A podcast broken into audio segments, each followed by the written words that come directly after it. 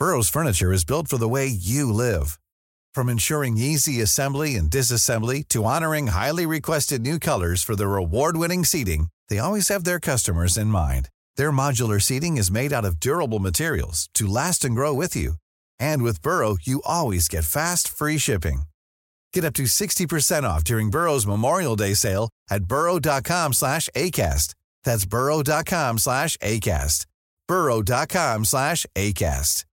Hey, Dave. Yeah, Randy. Since we founded Bombus, we've always said our socks, underwear, and T-shirts are super soft. Any new ideas? Maybe sublimely soft. Or disgustingly cozy? Wait, what? I got it. Bombus. Absurdly comfortable essentials for yourself And for those facing homelessness. because one purchased equals one donated. Wow, did we just write an ad? Yes. Bombas. Big comfort for everyone. Go to bombas.com slash ACAST and use code ACAST for 20% off your first purchase. Ett, två, tre.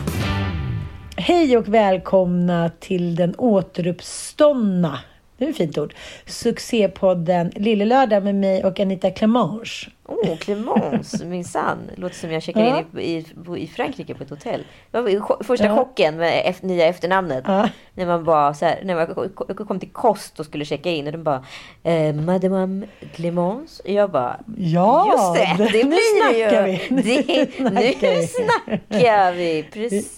Det är mycket trevligt tycker jag, Clemence. Mycket Ja. Clemence. Det låter som en så här- Clemens i, i USA, det är ändå Mm, det nice. låter lite adligt, Ja. av Clemence. Av Clemence. Mm. Jag kanske ska hitta på värsta adelshistorien om, om mig själv. Det är lite roligt. Man ser lite kompisar så som har gett upp och skriver på Insta. Jag har frysit och blåst bort i fyra veckor. Nu drar jag till Grekland och så här. Men någon som eh, väldigt tydligt inte har eh, sett solens ljus. Det är ju din lilla Karlaslok. Du la upp någon film på Insta. Nej men det är sorgligt. Det är så, han är Nej, men det, genomskinlig. nej, nej, nej, du vet ju så här, alltså det första... mitt stora... och Vet du vad jag skämdes som bäst med för Joel? Vet, jag träffade honom i början. Att han var så blek. Ja. tyckte det, jag tyckte det var så jävla jobbigt. Sen har jag då kämpat som en liten bondmora med att få upp hans pigment. Ja. För nämligen, ingen av hans föräldrar är direkt blekisar. Liksom. Hans syster är ju väldigt ljus i hyn också. Ja. Men, eh, men, och det har gått bra. Och han har liksom verkligen fått sitt eh, pigment i ansiktet och blomstra. Men han solar då, de få soltimmar som det faktiskt varit i Sverige, väljer han att bara sola framsidan utav kroppen. Och inte baksidan. Varpå jag har tjatat på honom, du måste sola baksidan på kroppen. Han bara, men det är ingen som ser den ändå. Nej, men så helt plötsligt kommer sådana här situationer då som på Instagram. Och då har man en kritvit rygg där. För han har faktiskt en helt okej bränna på framsidan. Vilket, vilket man överhuvudtaget inte kan förstå. Det var väldigt hårt att någon jämförde dem med Gollum. den var ändå Alltså. hård. Den var, Den var hård. Den var mycket, mycket. Så jävla tv-spelsrygg alltså. Till och med så hans kompisar hörde av sig och bara så där ser bara en, en true gamer ut. Liksom. Ser ut som en jävla ostkrok. Men min spaning som egentligen inte är någon sensationell spaning är ju ändå att the good eh, looking rich people alltid är knallbruna. Det, liksom, Ja, eller hur? För de, liksom, deras öron nås inte av larmet av hudcancer, av att man kanske ska säga saving skin, saving faces, saving. Utan de kör på. Och jag har faktiskt varit lite sådär också i år. Jag bara, jag klappar på. Nu vill jag, efter den här Gör- våren, för fan vad härligt det är att vara brun tycker jag. Jag njuter av att vara en liten pepparkaka. Corona eller cancer, skitsamma. Nu ska, färg ska jag ha liksom. Det är så här, Citat. Corona Exakt. eller cancer. Skitet bara. Nej men, nej men. För att, för, att lyssna, för att lyssna på en klassisk ändå solkonstnär som faktiskt soldoktorn Mikael är på, vad heter det? TV4, Eh, som- TV4. Ja. Han säger ju att den, för att behålla ben, brännan på bästa sätt. det är att man inte duschar heller på 24 timmar efter solning. I mean. Den har jag tagit tillvara på mm. väldigt mycket. Och jag menar så här, det här är ju inte liksom någon liten eh, lekman i ämnet. Nu pratar vi ju liksom om The Pope. The Pope. The Pope på hög nivå. Amir amiralen av solbränna mm. skulle jag vilja säga. Men eh, nej, jag tycker det känns skönt. Men jag duschar inte så ofta ändå så du, du behöver inte tipsa mig. Det behövs inget. Åh, berätta mera. Åh, berätta mera. Jag vill veta allt om Gotlandslivet. Hur är det där borta? Är det några konflikter? Är det några, är det några eh, intriger? Är det något annat? Nej, men jag tycker att vi... Eh, jag tycker grannsämjan är ganska god. I förrgår så fick eh, unge här Mattias punka på eh, framdäck på gula faran. Hade med sig småsvinen. Mycket tråkigt. Då gick jag ner till Bitten 78. Fick hon skjutsa mig. Fick hon skjutsa mig. Trots att hon hade lite, jo, trevligt, trots att hon hade lite utklädesförsäljning. Jag har träffat Malin och Sigge lite grann.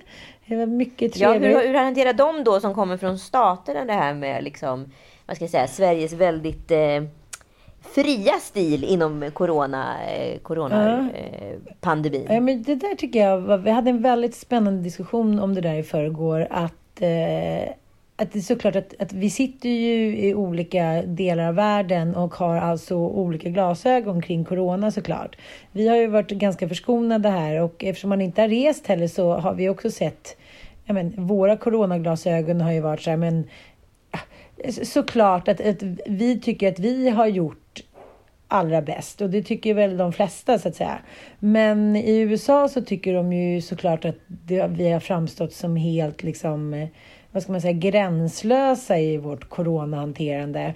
Och eh, vi pratade om det där att det, att det på ett liksom väldigt, väldigt starkt sätt och kanske oväntat sätt har upprört mycket människor som man kanske liksom blir lite chockad över när man, när man kommer ja, till exempel från USA och där har varit sådana jävla lockdowns. Liksom.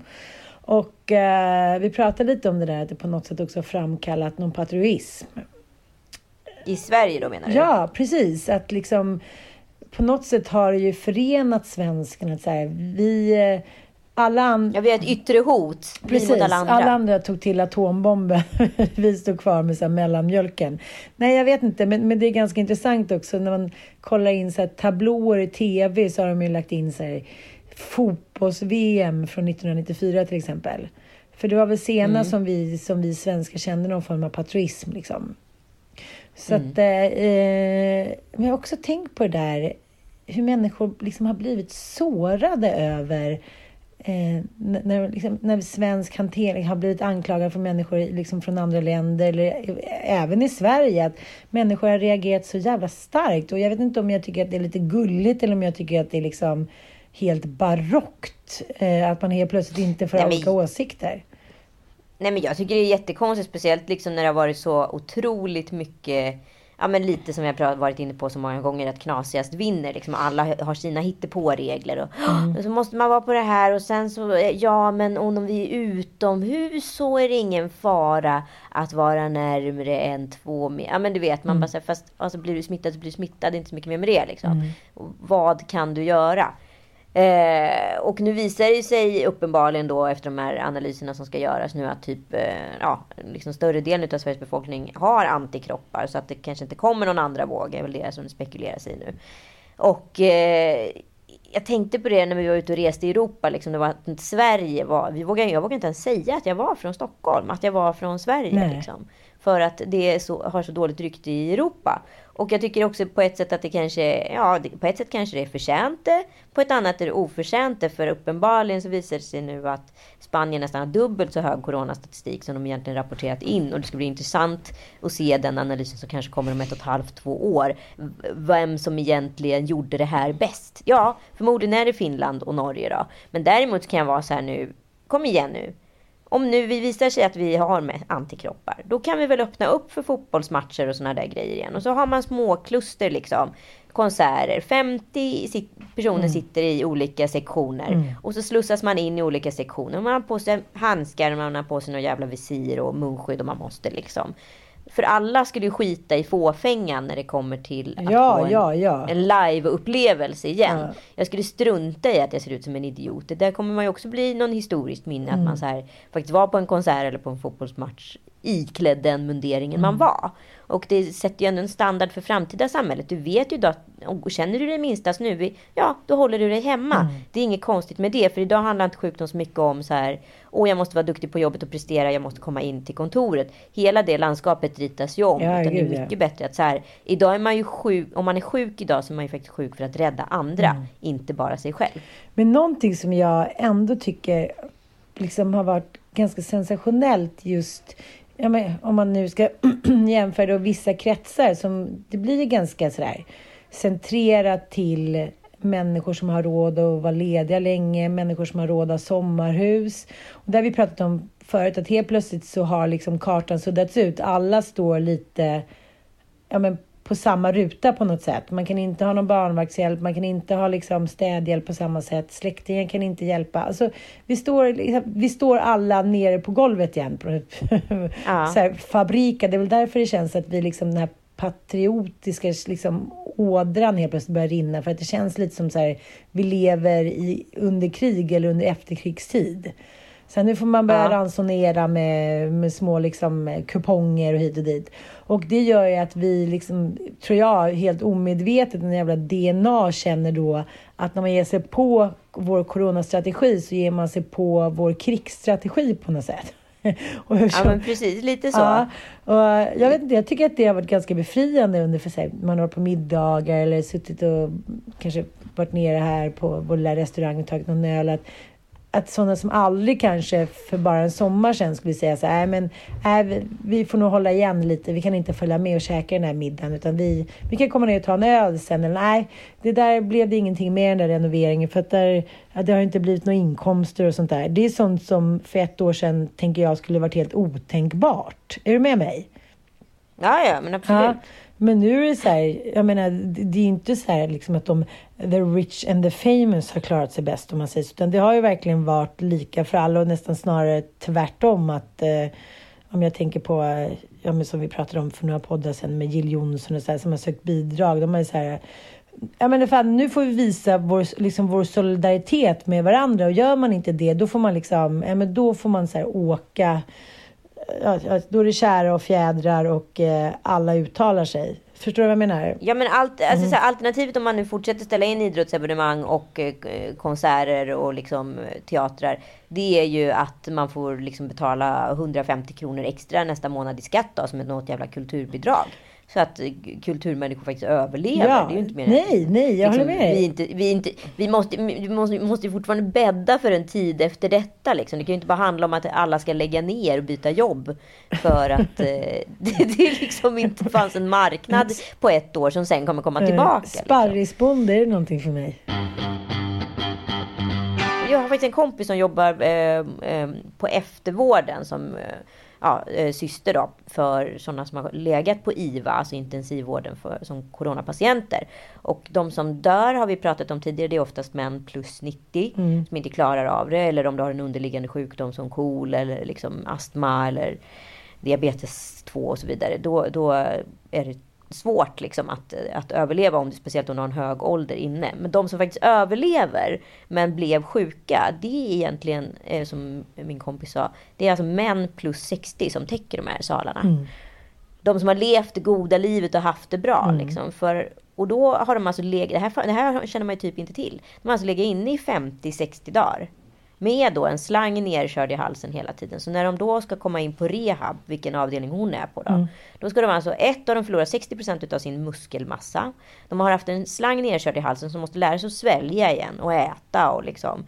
Eh, de är ju försvagade så de kan ju i princip nästan inte gå. Eh, de har ju också haft då kateter, många av dem. Eh, så att de måste ju liksom lära sig att kissa igen. Alltså så, här, så de är som att, hon sa, det är som att få ut en, liksom en vuxen bebis på andra sidan. Och det här pratar man inte så mycket om. Och alla skäms för det är fruktansvärt skamligt. Det här är kapabla människor som måste liksom börja om livet från början igen. Vilket är helt sjukt. Men det pratas det ju väldigt tyst om. Väldigt tyst måste jag säga. Och jag frågade hur många dagar de brukar vara där då. Då är de ungefär 50 dagar till i rehabilitering. Fan, ju... Så först har du legat med liksom i respirator i 50-60 dagar. Sen har du liksom lika lång tid på rehab. Ja. Ja, Men gud vad tragiskt. Otroligt.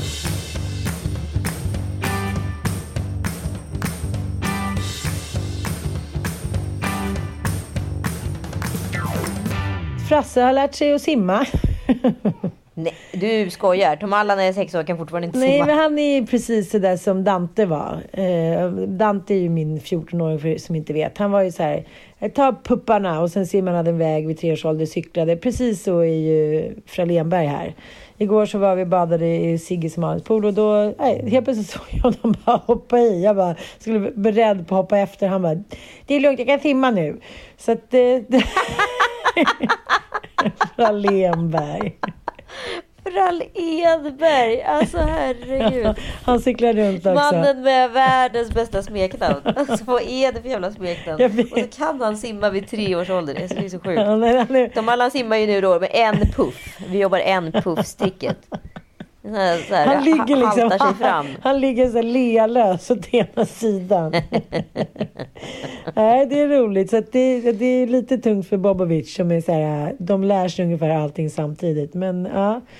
Igår hade de, Och det är tre år emellan. igår hade de springtävling och vann varannan gång. Sådär. Men, men han, är- i, i, hittills är han, liksom, eh, han mycket storsint. Ja, vi vann varannan gång och sådär. Mhm. Ja, Men det är ju roligt nu, för nu är ju Tom Allan är ju sjukt snabb. Alltså han är ju han, han är bara en kopia utav mig som barn generellt. Liksom. Alltså det är, bara- det är jag rakt upp och ner. That's it liksom. Men nu börjar han, och jag sprang och tävlade jättemycket och liksom var sjukt snabb när jag var liten. Liksom. Eh, och nu har jag börjat ha Penny liksom, i, i så springtävlingar. Ja. Och det är, ju knä, det är ju knäckande för någon som är liksom, nio år när en sexåriga lillebrorsa tar den. Liksom. jävligt knäckande. Ja, så det är roligt. Sen har jag och... Eh, Men det är kul när barnen byter plats. Alltså det är sån jävla ja, utveckling. Ja, men jag liksom. vet. Men, men det är ju inte riktigt rätt egentligen. Nej, Nej. det är inte riktigt rätt. Men det är mycket som inte är riktigt rätt. Och det ska vi prata lite om, om i den här podden. Och det första vi ska prata om är ju faktiskt Free Britney. Mm. Jag trodde du ville höra om vår glampingnatt, men ja, den får vi väl ta en lite Jaha, senare. den kan vi ta Den sen. lite senare. Det teasar lite. här. My, ja, mycket spännande. Hände det något spännande? mycket spännande. One fuck of a century. Nej, det blev ju ett ligg i sommar och det var då. Men det, vi avslutar lite med det. Det är en liten teaser. Nej, men jag är också, du och jag har ju en liten... Glamping med rollspel. Jävligt lite rollspel. Vänd på dig. Ja, eh, men du. Nej, men nu har vi teasat klart. Nu får ni vänta till slutet av podden om ni, om ni är intresserade. Oj, oj, oj. Om ni, om, ni, vill- om ni vill höra Söderlunds enda ligg den här sommaren, då ska ni... Vilken jävla cliffhanger. Årets ligg. Mm. Eh, Årets ligg i ett tält utan vax. namn. Ta mig där bak.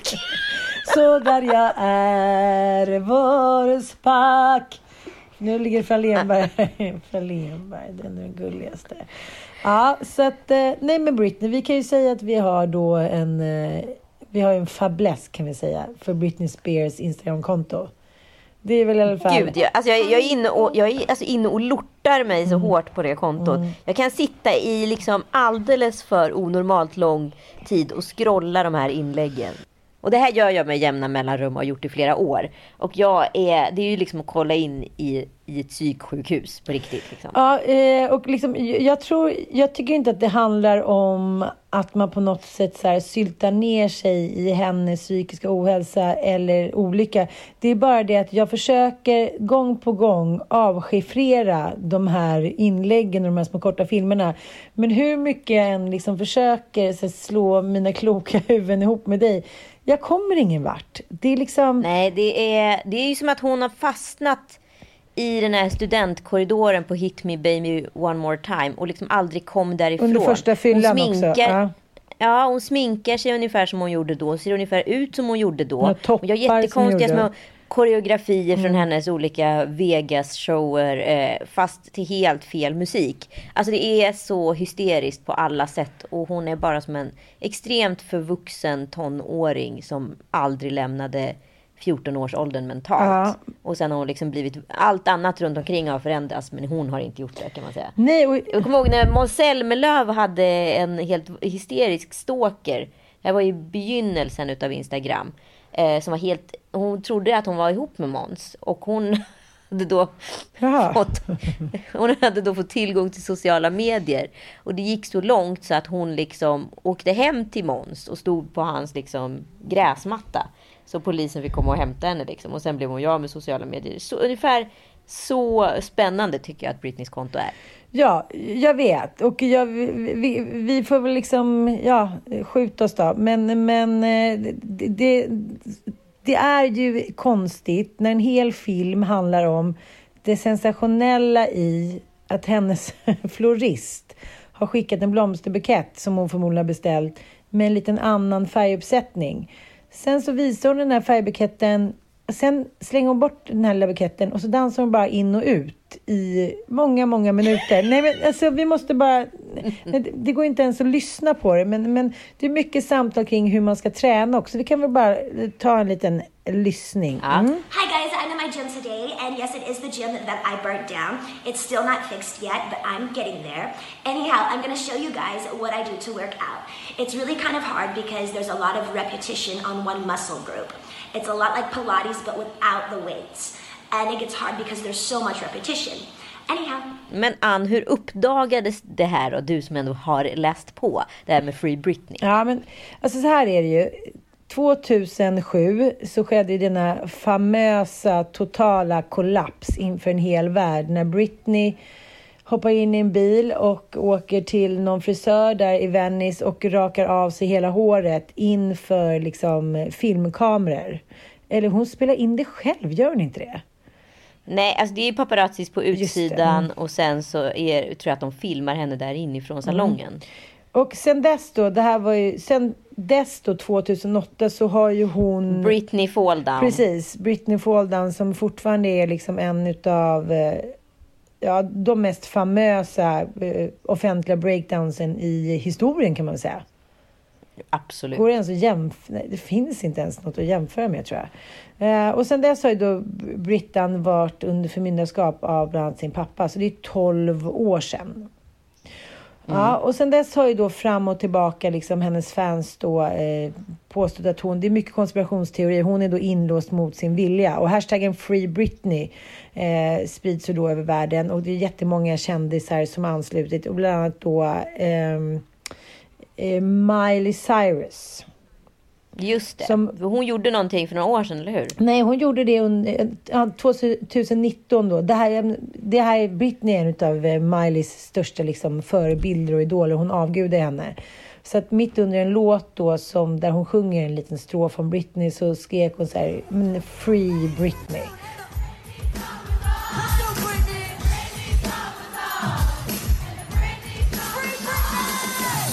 Och sen nu är det en massa kända som ansluter här och nu eh, undrar man ju då om den här eh, rörelsen är då en fridskamp för henne eller om eh, det är en konspirationsteori då.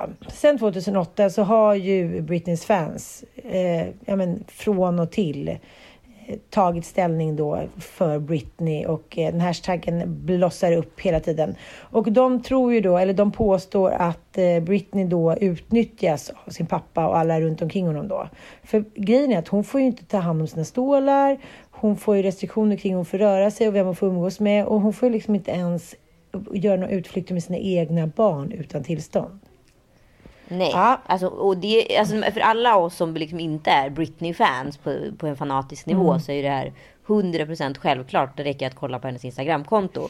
Det här är en svårt sjuk person. Liksom. Ja, men det är så Eh, sorgligt att det, men hon har ju ändå nu under flera års tid haft liksom eh, shower i Vegas och så på något sätt verkar det som att hon att hon klarar... Men tror du inte man klarar det? Alltså man är lite som en så här, vad ska jag kalla för, Trän, tränad Docka, liksom typ. apa. Ja.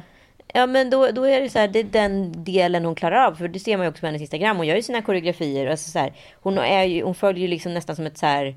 De säger så här, fotbollsspelare som så här, blir riktigt bra. De har ju oftast någon liksom Asperger eller liksom liknande i, i, i bagaget liksom.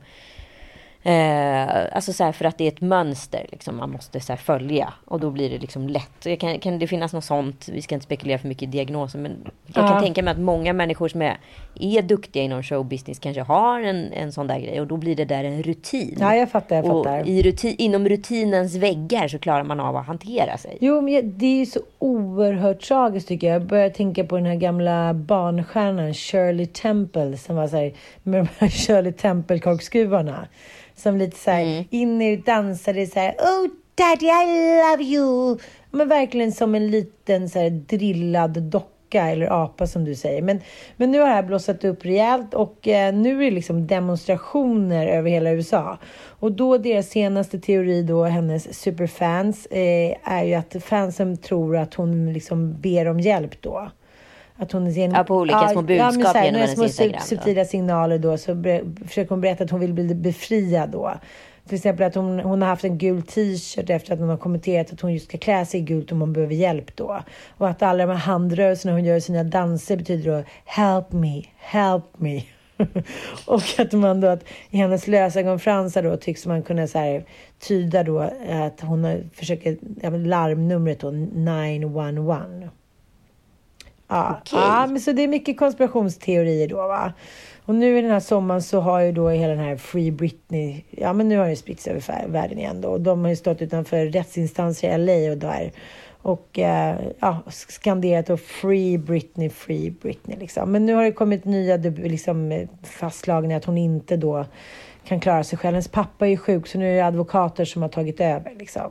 Ehm, men, men många jämför ju henne ändå, de som är hennes största fans, tycker ju att hon är en ikon, att hon är i samma kaliber som liksom, ja men Michael Jackson eller Elvis och, ja jag vet inte. Ah, kanske inte riktigt. Nej, kanske inte riktigt. kanske inte riktigt Däremot där. tror jag att hennes fans är liksom i samma kaliber som klassiska Jackson-fans och så vidare. Som är liksom 100% blinda inför vad som faktiskt har skett där på Neverland. Jo, jag fattar. Men det är ändå så här, hon har ändå gjort flera ikoniska framträdanden. Så kommer du ihåg när hon eh, framträdde med den stora ormen på Video Music Awards 2001? Ja men Toxic. Ja, det var ju ja, Toxic I'm va? a slave for you. Nej, nej, I'm a slave for you. Just det, I'm a slave for you. Just det.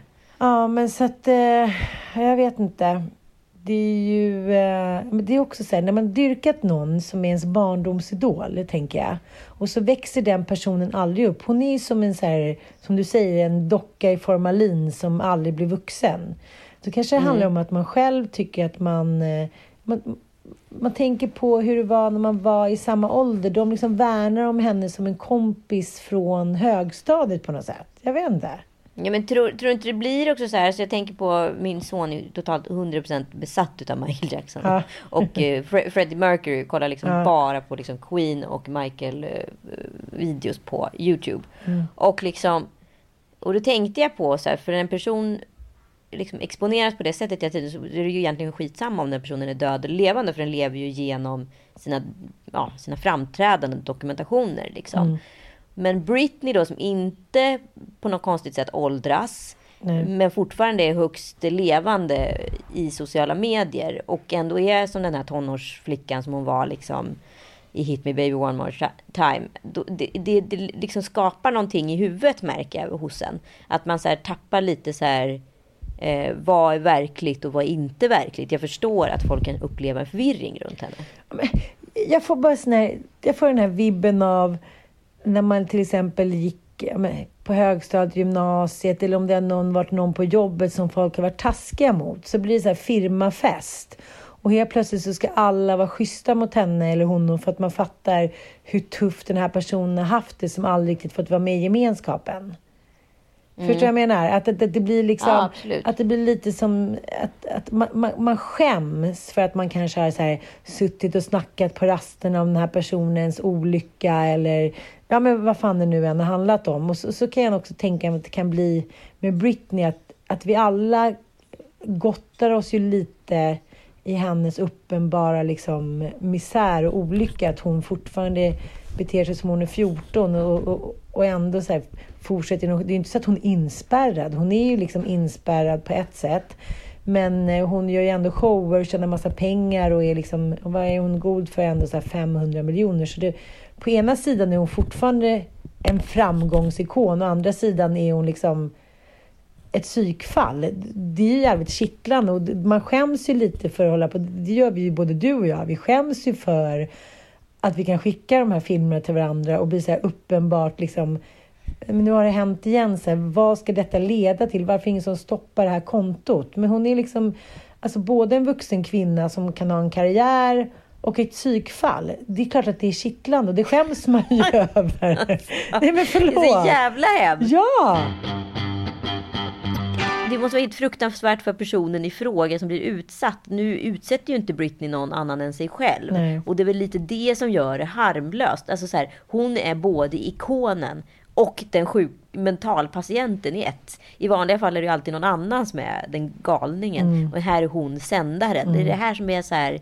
Det är det jag menar. Det finns någonting som är så jävla förvirrat och mystiskt i det här. Så gör det så jävla tillgängligt och spännande. Ja, man får liksom Därför inte ihop det. Och 2016 Nej. så skrev ju New York Times, då gick ju de all in eh, kring det här förmyndarskapet och försökte intervjua alla. Eh, ja, men, eh, föräldrar, advokater, Britney. Men det är ju liksom ingen som läcker.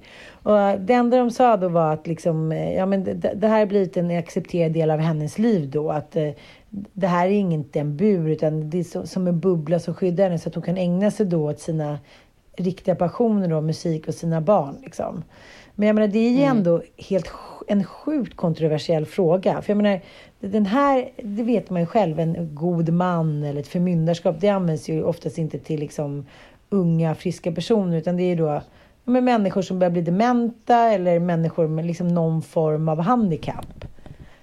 Mm, Eh, ja, exakt. men människor som absolut inte, man, man bedömer att de, de klarar inte att ta hand om Alltså, min sig mamma själva. är ju djup, nej, min mamma är ju djupt dement och Ja. jag är ju god man för henne. Och det är ganska liksom avancerad avskrivning utav ens, vad ska jag kalla det för, mänskliga rättigheter. Liksom. Ja, absolut. Och också ett, avancerat, ganska avancerad liksom, kurs man ska gå för att faktiskt få värna om en annan persons mänskliga rättigheter. Men så som alla kvinnor levde fram till i stort sett vi fick rösträtt eller man då blev förmyndad av någon annan person, en släkting eller någonting som då hjälpte en och portionerade ut ens pengar. Så har vi alla levt, men nu är det ändå 2020 liksom. Och då undrar Ja, ja, fansen visst. då så här, ja men nu har hon ju släppt, hon har också släppt liksom typ, har inte släppt så här fyra album under 00-talet och sen haft de här Las Vegas-showerna. Varför skulle hon då inte kunna ta hand om sig själv?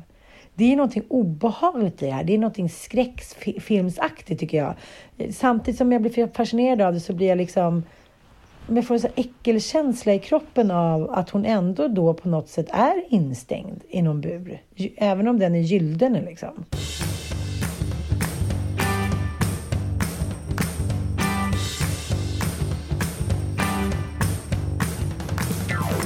Och apropå skräckfilm, ska jag Mm. berätta en eh, sjukt läskig grej? Det har spökat här. Nej, du skämt. Två nätter på rad Nej, i, var det varit. i nya moderna lägenheten. I nya moderna lägenheten. eh, Första natten tänkte jag så här, det här händer inte, det är inte sant, det är bara i mitt huvud. Ja. Sen är det samma grej natten efter. Det är någon som går och hasar runt. Det flyttas grejer i köket. Var någon ute i vardagsrummet. Och jag bara så här, och jag bara så här, och så till sist måste jag säga till Joel, för jag vet också hur rädd han blir. Så här, jag bara, fuck, det spökar liksom. Och han bara, nej men du skojar, jag orkar liksom inte, jag klarar inte av så här, det här, för det går, det går liksom inte. Jag, jag, jag mår så dåligt utav sånt här liksom. Ja. Och sen så bara upphörde det. Det var två nätter, så var det inte mer, så kom jag på. Det är årsdagen från min pappa dog. Nej. Jo. Jag kommer, ihåg när, jag kommer ihåg när, vad heter det, för det var också det som var lite konstigt i den här känslan, att jag inte var rädd på något sätt. Förstår du? Att jag inte liksom kände att så här, jag tyckte det var obehagligt såklart. Jag var så här, fan, tänkte jag mer. Men liksom, jag var inte så här livrädd som jag skulle kunna blivit liksom. Eh, samtidigt hade jag ingen liksom, ambition. Första natten gick jag upp. Men andra natten när det drog igång igen, då var jag så här, nej, nu, nu, får jag, nu, nu går jag inte ut där. Jag orkar inte liksom, möta vad det nu är. Eh, men eh, så kommer jag ihåg att mamma berättade när mormor dog att hon hade kommit ungefär på dagen ett år senare och liksom hållit om henne i sängen jättehårt och hållit henne liksom. Och först hade hon blivit rädd och sen så hade det blivit bra. Liksom. Men att de liksom på något sätt går igen och checkar, så, checkar läget ett år senare. Och det, det här var två dagar efter han gick bort. Och sen har det inte varit mer. Nej. Men det, man säger ju... Ja, men, vissa berättar att de har sett då allt från en sepiabrun figur som ser ut som det kom från 1800-talet. Vissa säger att de ser fysiskt, andra säger att de känner någonting. Men Kom du ihåg den där lilla tjejen som du, eh, ja, som du säger Mm. att du såg då i din och Kalles för, för, förra lägenhet? Om Mm. du ska beskriva henne, såg du konturerna? Eh, Var det som att du skulle Nej, se det Penny var det- gående på gatan? Nej, men, nej absolut Nej, inte. Mycket mera liksom. Tänk dig att du ser någon så här springa förbi ögonvrån. Du ser Ja. att det är en gestaltning utav ett barn. Du förstår det för att liksom, eh, du ser det på kroppsspråket. Mm. Men, men det finns ingenting som var liksom, alltså om jag hade vridit dit huvudet är jag inte säker på att jag hade sett något. Förstår du? Nej, jag fattar, jag fattar, jag fattar. Men om du jämför, men nu var du inte hem, ensam hemma. Nej, det var jag absolut inte ensam hemma. Nej, men, Men men, men, men, det är ju bara jag som vaknar och det är ju bara jag som är med om det liksom. ja, så, så att jo. Men jag är klarvaken. Jag är klarvaken. Jag ligger liksom och kollar på mobilen och hör det här liksom Ja. samtidigt. Och vad var mest eh, tydligt? Kändes personen snäll eller kändes den... Nu menar du den som gick omkring Ja. här hemma nu? Eh, nej men eh, jag, alltså nu, alltså, för först var jag ju så här, shit det spökar, fan vad jobbigt liksom, vad ska jag göra? Måste ringa någon jävla medium och hålla på och härja liksom. Åh, jag orkar inte. Och så var jag så här, ska jag berätta för Joel, ska jag inte berätta för Joel? Ja, men, men, och sen så bara när jag, när jag då liksom kom på, men herregud, det var ju typ det är min pappas årsdag, det visste jag ju om alltså, sen några dagar innan. Och kom på det här som mamma hade berättat om mormor. Och när jag fick ihop det, då kände jag ju igen stegen. Då kände jag ju igen rörelserna. Kanske det var, också fanns någonting redan där som gjorde att det inte var så läskigt som det borde varit rimligen. Ja, jag fattar, jag fattar. Ja, jag tänker varje morgon när jag, eller när jag går ner på natten här i, i vårt kök att jag tänker så här. Nej, men snart sitter den där gubben som bodde här innan. Ja, bara kolla läget lite. Jag tänker så här, det kommer ske. Du vet, det är bara en känsla jag har så här varje gång jag ändrar så här.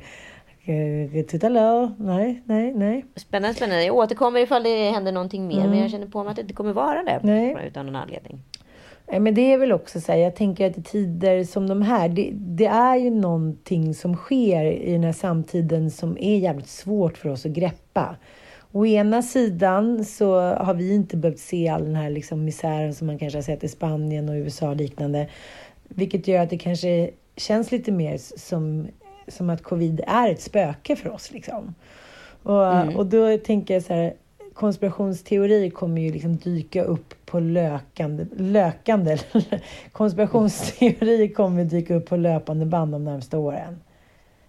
Förstår du? Ja, ja, gud ja. Ja, för jag menar, det är liksom att hjärnan tycker om att tro på vissa konspirationsteorier. Förstår jag menar, jag tänker allt från månlandningen till 9-11 och ja, det, det, liksom, människor älskar ju konspirationsteorier och det gör man ju även i, i, liksom, i skvallervardagen också. Så, ja, men det beror nog på att den gjorde så. Här. Det är ett sätt för människor att hålla liksom, ångesten borta tror jag. Men du, måste prata om en liten annan grej som jag har upptäckt här och blivit lite fascinerad av. Eh, det är nämligen så, den här eh, Women eh, Challenge Women eh, utmaningen som var på Instagram som egentligen har sitt ursprung från Turkiet. Så det handlar om att kvinnor la upp svartvita porträtt Ja. på sig själva. Många gjorde det helt utan att förstå syftet Ja, precis. För man fick bara en utmaning utav någon och så vidare. Men egentligen har det sitt sprung i Turkiet där, vad heter det, eh, våld i hemmet har ökat otroligt mycket. Och eh, nu senast så var det en ung tjej som blir mördad av sin eh, kille på grund av någon ouppklarad svartsjuka och så vidare. Eh, och det här var väldigt intressant för att jag då valde ut ett par personer som jag skickade här till. Som jag tycker så här, ett gör bra grejer, två så här, ska behöva en backning. Eh, ja, men jag skickade i alla fall till Lisa Ankarman bland annat. Eh, och hon svarade så här, tack är verkligen inte min grej men gulligt att du tänker på mig. Och jag var så här, oj, ja okej, nej men så kan man ju reagera. Det är ju inte så mycket mer med det. Det är ju en tolkningsfråga. Alla, alla orkar ju inte hoppa på alla jäkla challenges hela tiden. Det är inte, man behöver ju inte ställa upp. Nej, Men så nej. var jag tvungen, att- nej, men så var jag tvungen att gå in och kolla och då förstod jag så här, men herregud, det här är verkligen en företeelse kvinnor plus 30. För alla kvinnor plus 30 la i princip upp en sån här bild. Men Inte inga jag där som kvinnor... inte kan tekniken. Ja. Nej, exakt. Det för det är svårt det där med att Ja. lägga upp bilder på Instagram. Men, eh, men eh, inga kvinnor under 30 la upp bild, de här backningsbilderna. Nähä, gud vilken intressant spaning. Ja, nej men då för jag var inne på liksom alla de här stora influenserna, liksom Bianca, alla liksom tjejerna. Det var ingen som hade lagt upp. Men så fort du hade fyllt 30 i princip så hade du lagt upp en För, för, de, för, dem, för dem är det bara självklart. De förstår inte vad säger what's the fuss? Eller ja, vadå? Är det är det?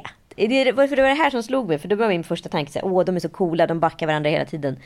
Eller gör de inte det? Mm, konspirationsteori deluxe. Konspirationsteori. Eh, deluxe de konspirationsteori. Jag fattar. De, att de, så här, de vill sitta på sin egen framgång.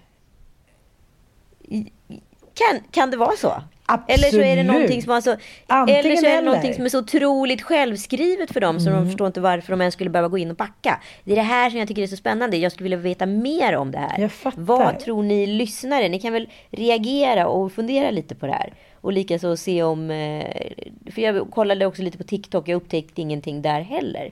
Så det här var verkligen någonting som skedde i kvinnorörelse plus 30 liksom. Och sen var det såklart x antal snubbar som gick in och gjorde sig lustiga över det här.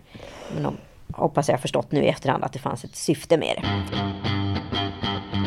Det finns ju någonting som heter World Value Map som eh, alltså skapades av en forskare som heter Ronald Ing Ingelhart. Eh, och, och det här gjordes då mellan eh, 1999 till 2004. Man gjorde liksom en karta över världen där man liksom kategoriserade in eh, världen i, i två, liksom, eh, vad ska jag kalla det för, grafer. Den ena eh, är liksom traditionell i botten och samhällsfunktionell i toppen. Och sen så den liggande liksom axeln är så här överlevande eller självförverkligande världen. Ehm, och Sverige ligger då allra längst upp till höger, det vill säga vi är både samhällsfunktionella och självförverkligande i våra liksom, beslut och resonemang och värderingar. Under tiden de som ligger liksom tvärtom från oss, eh, exempelvis Egypten, eh, är liksom både så här, de är under överlevnad och ex- extremt traditionella. Och Turkiet som land ligger då någonstans mitt i den här kartan. Ehm, och det, jag tycker så här, det, man ska inte glömma bort de här grejerna när man diskuterar saker i, i samhället. För vi är extremt extrema i Sverige. Alla är liksom inte bara dumma i huvudet. Det är bara så att alla har inte hunnit utvecklas lika snabbt som vi. Med det sagt så är kvinnovåld aldrig accepterat. Men att det sker under en traditionell slash överlevande situation eller om det ske- sker i en självförverkligande och samhällsfunktionell situation. Det är två olika typer utav brott, även om resultatet är detsamma. Förstår du hur jag tänker? Jo, jag förstår hur eller tänker. resonerar? Men jag menar, det är ju, det är ju liksom de senaste, vad ska man säga, 15 åren som vi har blivit progressiva i Sverige med misshandel. Särskilt i, i hemmet som har varit också så här, ja men det där lägger vi oss inte i. Det där, där får man sköta hemma. Men jag tänkte också på det. I, i natt så läste jag ut eh, Karin Smirnoffs debutbok Jag får ner till bror. Det är ju hennes vittnesmål om sin egen uppväxt. Men eh, hon är ju då uppfödd i, uppväxt i en liten norrländsk by. Och hela den här, den här boken, eller trilogin, är ju bara ett enda långt obehagligt smärtsamt vittnesmål om män som super och blir svartsjuka och själva blivit slagna som barn och utsatta för incest och som super och misshandlar. Och så få som ändå anmäler. Så att jag, jag tänker att det finns också så här mörkertal. Att vi här i Stockholm ändå känner så här, men här minsann, här har vi koll när det händer någonting. Men jag menar, det finns ju sådana Ja, men det finns ju, vad var det, någon skrev någon bra krönika i Aftonbladet, så här, ingen hör i skrika i Norrland typ. Närmsta polisen kan vara bara två timmar bort. Det är lite samma sak här. Eh, att det, fortfarande är så jävla utbrett att män slår. Men det som det inte talas om så, så otroligt mycket tycker jag också, att män slår under liksom, inverkan av alkohol. Att det är en sån Ja. jävla bo, liksom att män super och blir galna liksom. Ja, ja. Det talas det ganska tyst om och det sker ju oftast inte i de här länderna där religionen ofta förbjuder just Nej, för- alkohol. Men omskrivningen av misshandel finns ju där hela tiden Mm. och så länge liksom världen och världsledare, för det är ju tyvärr fortfarande mest män, Mm. uppmärksammar liksom våld i hemmet. Det är först då vi kommer kunna börja göra en skillnad på det här. Eh, för det ska ju inte vara någon, det ska ju vara något skamligt. Det ska verkligen inte vara någonting. Nej men jag tänker ju Bra. på eh, mitt ex som, eh, som misshandlade mig. Han, har ju stora företag på liksom, kvinnomedia. Och han sitter med i styrelsen på bokförlag och det är hiten och ditan. Och alla de här snubbarna som har anställt honom eller som jobbar med honom vet ju precis vad som försiggick där när vi var ihop. Liksom. Så att mm. eh, ja, det är en jävla tystnadskultur kring det här med mäns misshandel av kvinnor. Jag säger inte att det inte finns tvärtom. Jag känner en kille som blev misshandlad av sin kvinna under många år. Det, ja, det finns ju också, men, men det är inte lika utbrett och det är ju inte vad ska man säga, ett stigmatiserande problem för män på något sätt, även fast det är lika allvarligt om du fattar vad jag menar.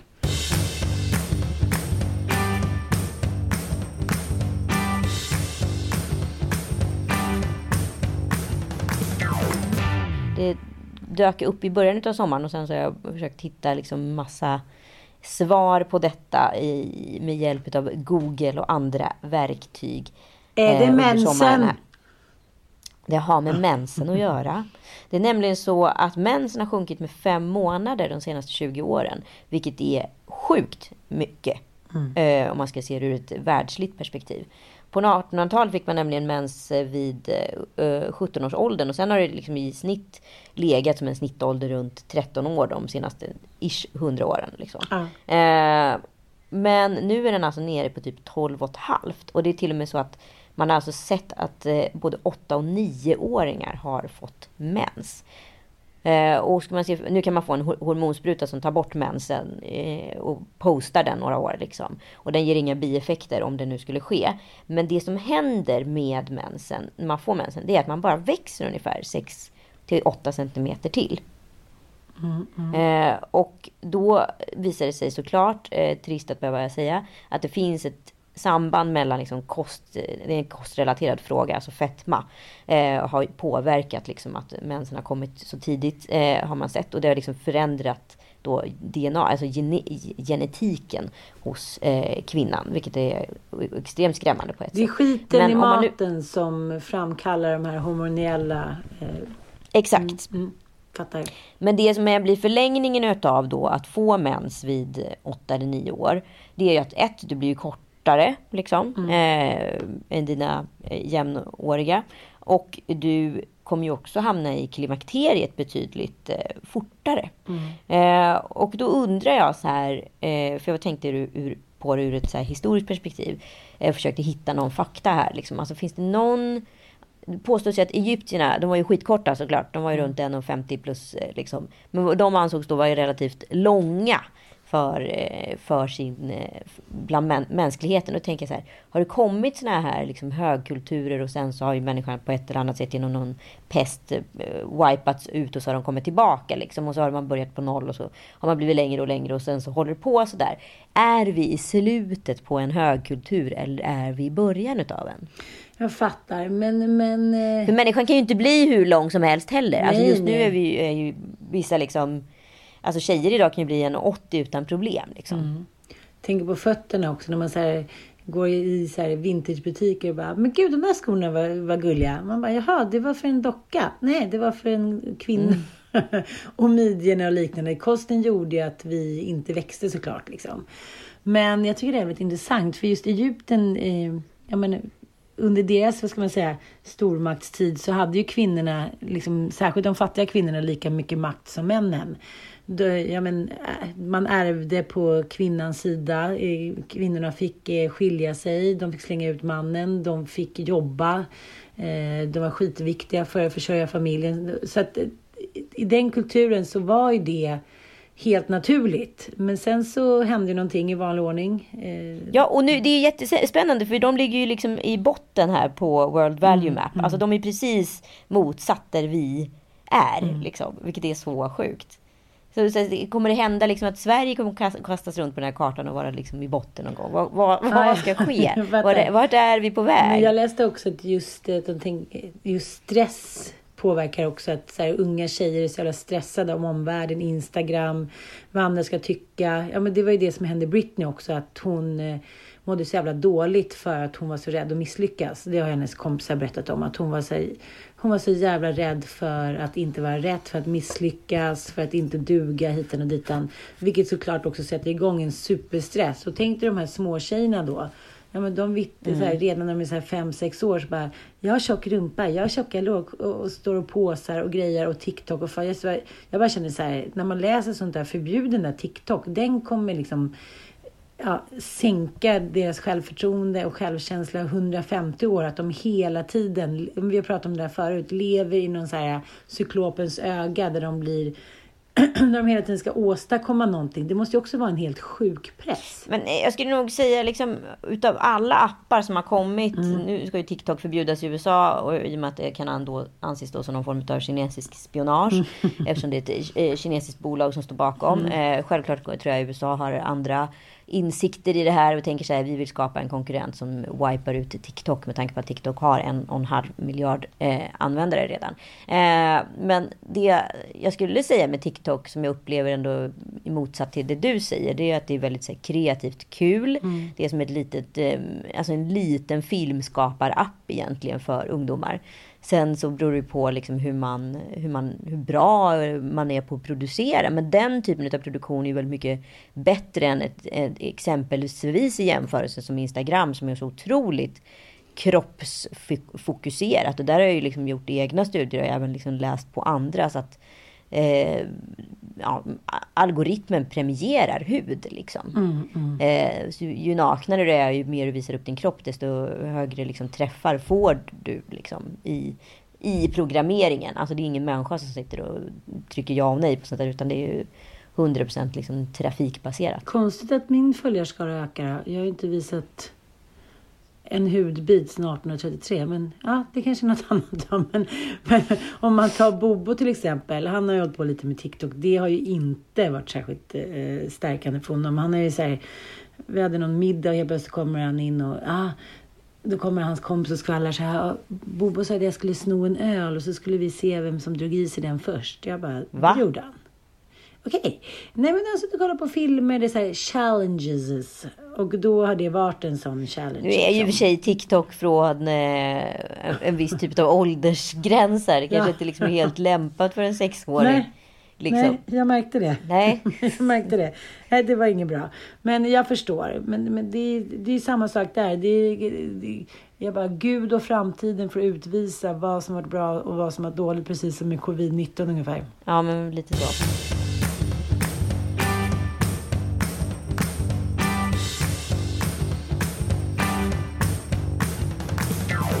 Men du, Ann Söderlund, vad roligt att podda med dig idag. Vi hörs om en vecka tycker jag. Nej, Nej. jag har min lilla teaser. Jamen, Jag tänker jamen, inte- jamen. jag tänker Hur inte kunde jag liksom gå... lyssnare. Hur kunde jag hålla på och snuva lyssnarna på denna konfekt? I På denna partytältet. mjuk, på denna i partytältet. Okej, kan vi få en vignett på det här Magnus? Årets.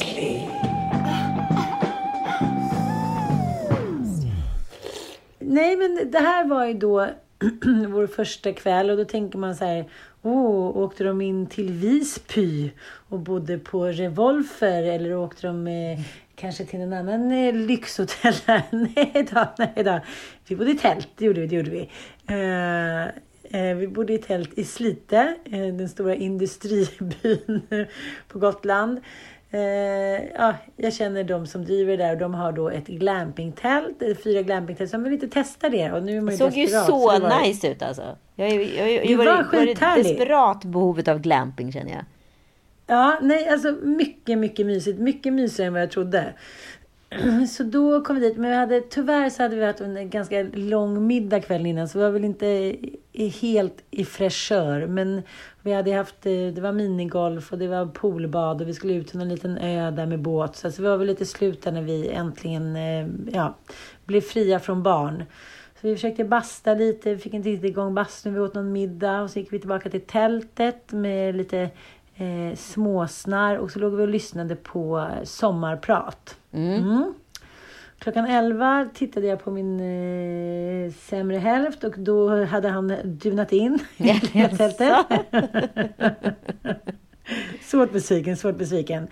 Och som den nya seden, eh, lingon i eh, Gotlandsskogen, så är det nu min femte natt på hotell liknande doning ensam med min kar där det var lingon i, eh, i snårskogen. Det var det, det var det. Jag menar inte att man, men ja, lite som en så här Guds passus på något sätt. Det blir inte riktigt, Stockholms blodbad är inte jättekul heller, liksom offentligt i ett vitt tält. Så det var väl lite, men ja.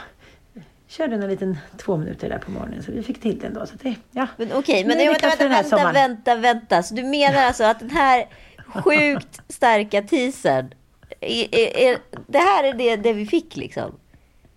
Det, var det, det är det här ja, du har byggt upp ja. under liksom sensationella ja. former. Som också har fått en egen vignett. Nummer två är att jag undrar så här, hur är det att ha sex i ett tält som inte har några väggar? Alltså, ja, hur låter eh, man då? Kan vi få ett röstprov? Ja men, lite, ja, men du måste ju också förstå denna utsvultnas kviga. Eh, närmast ryssen. Nej, men det är klart att det var inte, jag var inte helt tyst såklart. Och det var någon barnfamilj som bodde bredvid. Jag vet inte. Vi åkte ganska snabbt därifrån. Men ja, det gick ju ganska snabbt också. Men, men eh, ja, nej. Det, det Skulle man kunna ha misstolkat det som någon form av hostning eller harkling? Nej, nej, det tycker jag inte. Nej, man skulle, nej, man skulle förstå, man förstod vad som hände där ja, ja, det, det, kan man inte ha undgått. Men sen vet man ju inte. Det kanske var kärad, kärat täckt. Det kanske var ljudisolerat på något sätt. Men det, det, finns ju någonting romantiskt i att ligga i tält i en fin mysig säng och inte då ligga direkt på golvet eller leran eller fukten utan ha så här, tända ljus och lampor och fina liksom Ja, ja, med fina lampor och ett litet kylskåp och havet utanför. Det, det, skapar ju någon sinnesro som också är sensuell. Sen somnade vi Men... Eh, jag, tänker, jag, det... jag, tänker på det här glampinglivet som, du vet, på Potemkin, alltså Katarina den stores älskare. Eh, ah, han ah. åkte runt i Osmanska riket där och skulle ja, här, ut och kriga lite, eller vad han fick feeling för. Mm. Och då mm. lät han ju de här stackars statarna då gå runt och bära. Han hade kärat ner sig i engelska trädgårdar, så var han än gick. Så hade, fick de lite stackars gäng statare också bära med hans engelska trädgård. Fyllda av olika enar i olika formklippta formationer. Som han skulle då slå upp runt sitt lilla tält. Det är ju liksom nivå nummer två utav glamping. Eh, ja. så, så, men det var ingen, ja. ingen, ingen liksom, eh, ingen engelsk Nej, trädgård utanför. Nej, det var det inte. Men det stod en supp. Två suppar utanför, så det var meningen att dagen efter. Men som du vet när sommaren har varit en mycket schizofren sommar så är det aldrig mer än en dags fint väder. Sen får man sätta på sig blåsthatten och vara beredd på snö, regn och eh, monsunvindar. Så att, eh, ja, nej, men jag känner mig väldigt liksom, utmattad måste jag säga. Jag var ju, var ju i Turkiet i åtta nätter, men sen var jag också i hemma i Stockholm i åtta nätter. Och det är liksom när det inte finns några så här morföräldrar längre slash farföräldrar mm. etc. att tillgå på grund av Corona. Så har man ju liksom fått, det har ju lite varit i händerna på en själv och sen har vädret varit liksom extremt svajigt och jag var också lite sådär, gjort, gjort gått en del pengar ändå den här sommaren. Ett, man har, man har använt utlandspengar och semestrat i Sverige. Två, så var vi på en eh, härlig semester i Turkiet. Alltså så det drar iväg ganska fort. Så jag var såhär, men får stanna i Stockholm då. Men sen har ju vädret varit så varierande så man har inte kunnat liksom riktigt varit ute så mycket som man hade hoppats på. Nej, vilket nej. gör att man lite har klättrat på väggarna så här senaste veckan tycker jag. Mm. Otroligt! Och nu kommer då såklart värme, värmeböljan när alla då återgår till jobbet. Som ett mm, brev såklart. på posten. Nej, det har inte varit ett bra år. Det har det inte. Nej, Hittills, det har det inte det för mänskligheten. Vi, får vi liksom ja. ta en paus. Bara skita i Precis. 2020. Ja, men jag tänker att du och jag ändå kanske kunde få till en liten glampingkväll. Det kanske vi får. Jag kanske kommer över till mm. Gotland och glampar med dig helt enkelt. Ja, det är då jag ska ha min lilla engelska trädgård Lova det. ja, jag lovar. Nu när jag har fått mitt, mitt skott i råttan för den här sommaren så kan du komma. Kan du komma. Ska jag rulla lingonet också mot Jag vet aldrig vad som kan hända. Puss och kram. Puss och kram. Tack för att ni lyssnar. Tack, hej. Hej.